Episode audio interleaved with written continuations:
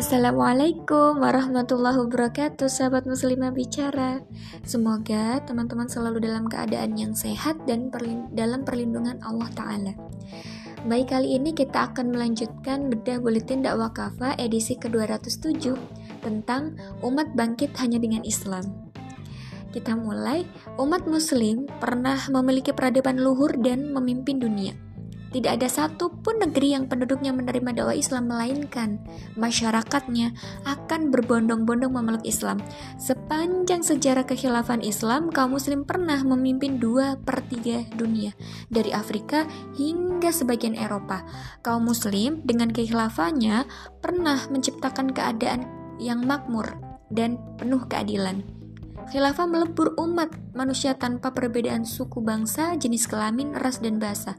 Umat non-muslim pun mendapatkan keadilan dan perlindungan.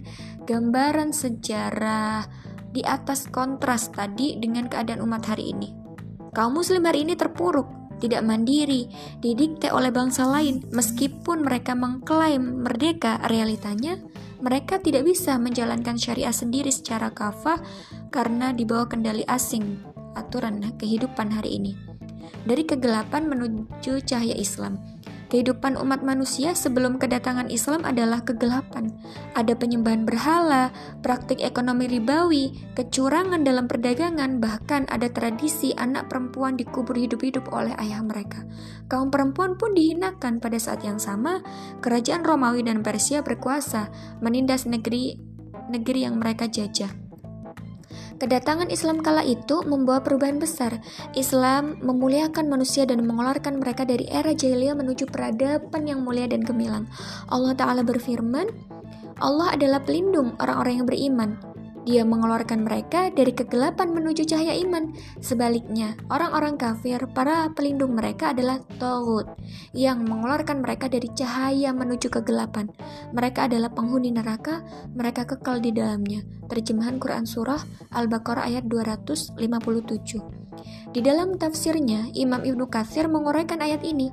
Allah Ta'ala mengabarkan bahwa Allah yang menunjukkan kepada siapa saja yang mengikuti keridoannya jalan-jalan keselamatan. Ia mengeluarkan hamba-hamba yang beriman dari kegelapan, kekufuran, keraguan, kebimbangan menuju cahaya kebenaran yang terang, gem, gem, gamblang, mudah, dan bercahaya. Cahaya Islam menghapus budaya penyembahan manusia kepada makhluk, baik perubah berhala maupun sesama manusia seperti para raja. Islam menghapus kekuasaan yang zolim, lalu menggantikannya dengan keadilan yang menciptakan rasa aman, menghukum para pelaku kejahatan dengan seadil-adilnya, memberikan perlindungan dan kedudukan terhormat kepada kaum perempuan. Islam bahkan menyuruh anak lelaki untuk memuliakan ibu kandungnya. Islam berhasil mengubah bangsa Arab dan bangsa-bangsa lainnya memeluk Islam menjadi umat yang satu umat yang unggul dengan melaksanakan syariah Islam di bawah naungan daulah Islam. Umat Islam menebarkan rahmat, memberikan banyak sumbangan dalam peradaban dunia.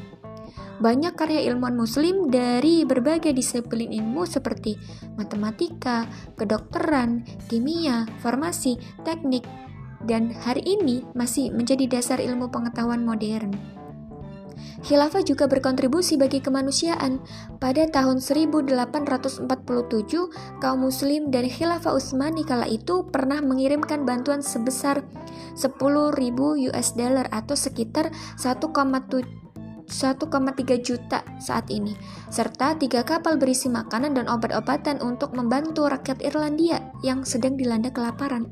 Rakyat Amerika Serikat pada tahun 1889 juga pernah mendapatkan 1000 US dollar bantuan dari khilafah dan umat muslim untuk korban banjir di Pennsylvania Barat Daya.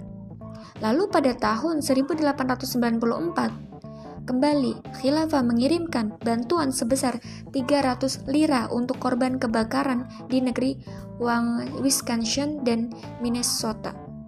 Di Nusantara, saat Perang Aceh, Khilafah Utsmani mengirimkan 17 kapal perang beserta para prajurit dan persenjataan yang lengkap untuk membantu pejuang Aceh melawan kolonial Belanda. Khilafah juga mengirim bantuan untuk Batavia saat dihantam banjir di tahun 1916 sebesar 25.000 kurs atau koin emas. Kunci kebangkitan hari ini, negeri-negeri Muslim justru tertindas. Kekayaan alam dijara, sumber daya alam manusianya kalah dengan bangsa lain. Beberapa negeri Islam terjerat utang ribawi yang sangat besar, padahal kekayaan alamnya berlimpah.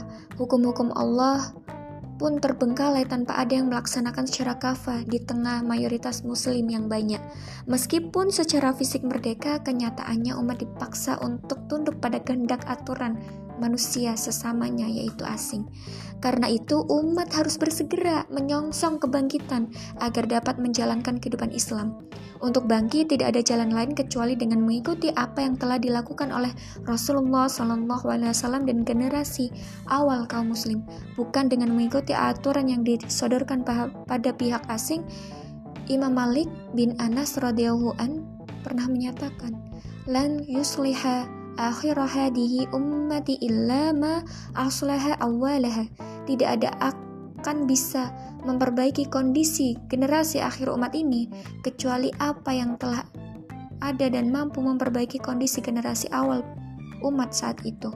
Maknanya, umat muslim dulu bisa menjadi umat yang baik dan bangkit dengan Islam karena menggunakan Islam dan aturan dari penciptanya. Karena itu, sekarang pun mereka hanya bisa baik dan bangkit dengan kembali kepada risalah Islam. Kunci kebangkitan di bawah Rasulullah SAW pada saat pada umat manusia adalah membebaskan mereka dari penghambaan sesama manusia menuju penghambaan hanya kepada Allah. Itulah yang disampaikan Nabi Muhammad SAW dalam surah yang dal, dalam surat yang ditunjukkan pada kaum Nasrani Najran. Sungguh aku menyeru kalian agar menghamba diri hanya kepada Allah dengan meninggalkan penghambaan kepada sesama manusia. Aku pun menyeru kepada kalian untuk berada dalam kekuasaan Allah dan tidak berada dalam kekuasaan sesama manusia. Ibnu Kathir Al-Bidayah wa An-Nihayah halaman 553. Islam berhasil menciptakan manusia merdeka dan bangkit, yakni mereka yang tunduk dan menghamba diri kepada Allah. Pen Allah penciptanya segen pencipta segenap makhluk dan alam. Meskipun kaum kufar mengerahkan segenap kemampuan untuk menimpakan bahaya kepada Rasul dan kaum muslim kala itu, mereka tidak sanggup melakukan itu sebab Rasulullah hanya mencari perlindungan kepada Allah sampai akhirnya turun pertolongan yang menghantarkan beliau pada tam, pada tampuk kekuasaan. Kekuasaan ini yang mengantarkan kaum muslim pada kemerdekaan dan kebangkitan secara luas lagi. Dengan kekuasaan tersebut, umat bebas menjalankan hukum Allah dan terbebas dari tekanan dan paksaan manusia. Mereka mengabdikan hidup dan matinya sepenuhnya untuk Allah. Tolak ukur kebangkitan, tolak ukur kebangkitan yang sohi, yang benar dan hakiki bukanlah keberlimpahan materi seperti kemajuan peradaban hari ini, kemajuan pembangunan dan ekonomi, iptek atau pesatnya infrastruktur. Bukan. Kebangkitan yang sohi bagi umat adalah kemerdekaan untuk menjalankan syariat Allah secara total di semua bidang. Hanya dengan cara ini, umat akan mendapatkan kemajuan di segala bidang, sebagaimana pada masa lampau. Tak ada artinya kemajuan materi, sementara manusia masih menghambakan diri kepada sesamanya dan mempertaruhkan nafsunya. Memperturutkan nafsunya, ini bukanlah kebangkitan tetapi hukuman dari Allah. Ini adalah kejumutan. Karena hal itu membuat derita pada diri sendiri. Imam Ibnu Qayyim mengingatkan, mereka lari dari penghambaan kepada Allah, sementara mereka diciptakan untuk itu, lalu mereka dihukum dengan penghambaan kepada hawa nafsu dan setan atau sesamanya. Bukankah terbukti bahwa ideologi selain daripada Islam seperti kolonialisme, komunisme, dan sosialisme, bahkan kapitalisme hari ini, serta demokrasi malah menciptakan penghambaan kepada manusia dan menciptakan kerusakan? Dalam demokrasi, manusia dipaksa untuk mengikuti aturan yang dibuat oleh manusia lain atas mengat dengan nama kedaulatan di tangan rakyat. Ironinya, produk-produk undang-undang yang dibuat malah sering menyusahkan rakyat yang telah memilih mereka sebagai penguasa dan wakilnya.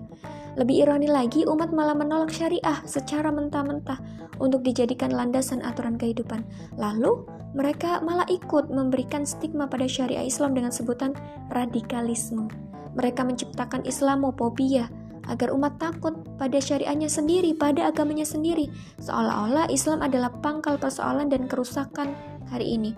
Lalu, ketika umat telah tersesat dan sengsara dalam dalam hal ini mereka malah menepuk dada dan merasa telah menjadi penyelamat dan berbuat kebaikan, padahal Allah telah mengingatkan.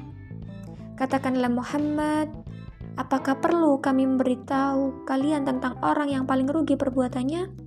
Mereka itulah orang-orang yang sesat perbuatannya dalam kehidupan dunia, sedangkan mereka mengira telah berbuat sebaik-baiknya.